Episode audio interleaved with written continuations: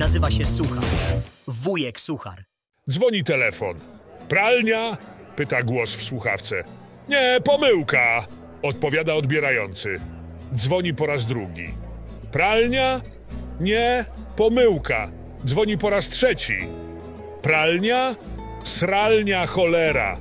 Dodzwonił się pan do Ministerstwa Kultury.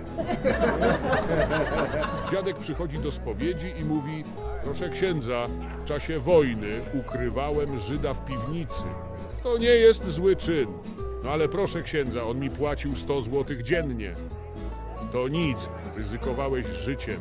Dziadek odchodzi, ale po chwili wraca i mówi: To może powinienem mu powiedzieć, że wojna się już skończyła. Amerykańscy archeolodzy podczas wykopalisk w okolicach Nowego Jorku odkryli miedziane druty przypominające kable elektryczne. Po szczegółowych badaniach doszli do wniosku, że przodkowie rdzennych Amerykanów posługiwali się telegrafem. Kiedy dowiedzieli się o tym rosyjscy archeolodzy, przystąpili do poszukiwań w okolicach Moskwy. Nic nie znaleźli i na tej podstawie doszli do wniosku, że dalecy przodkowie Rosjan dysponowali łącznością bezprzewodową.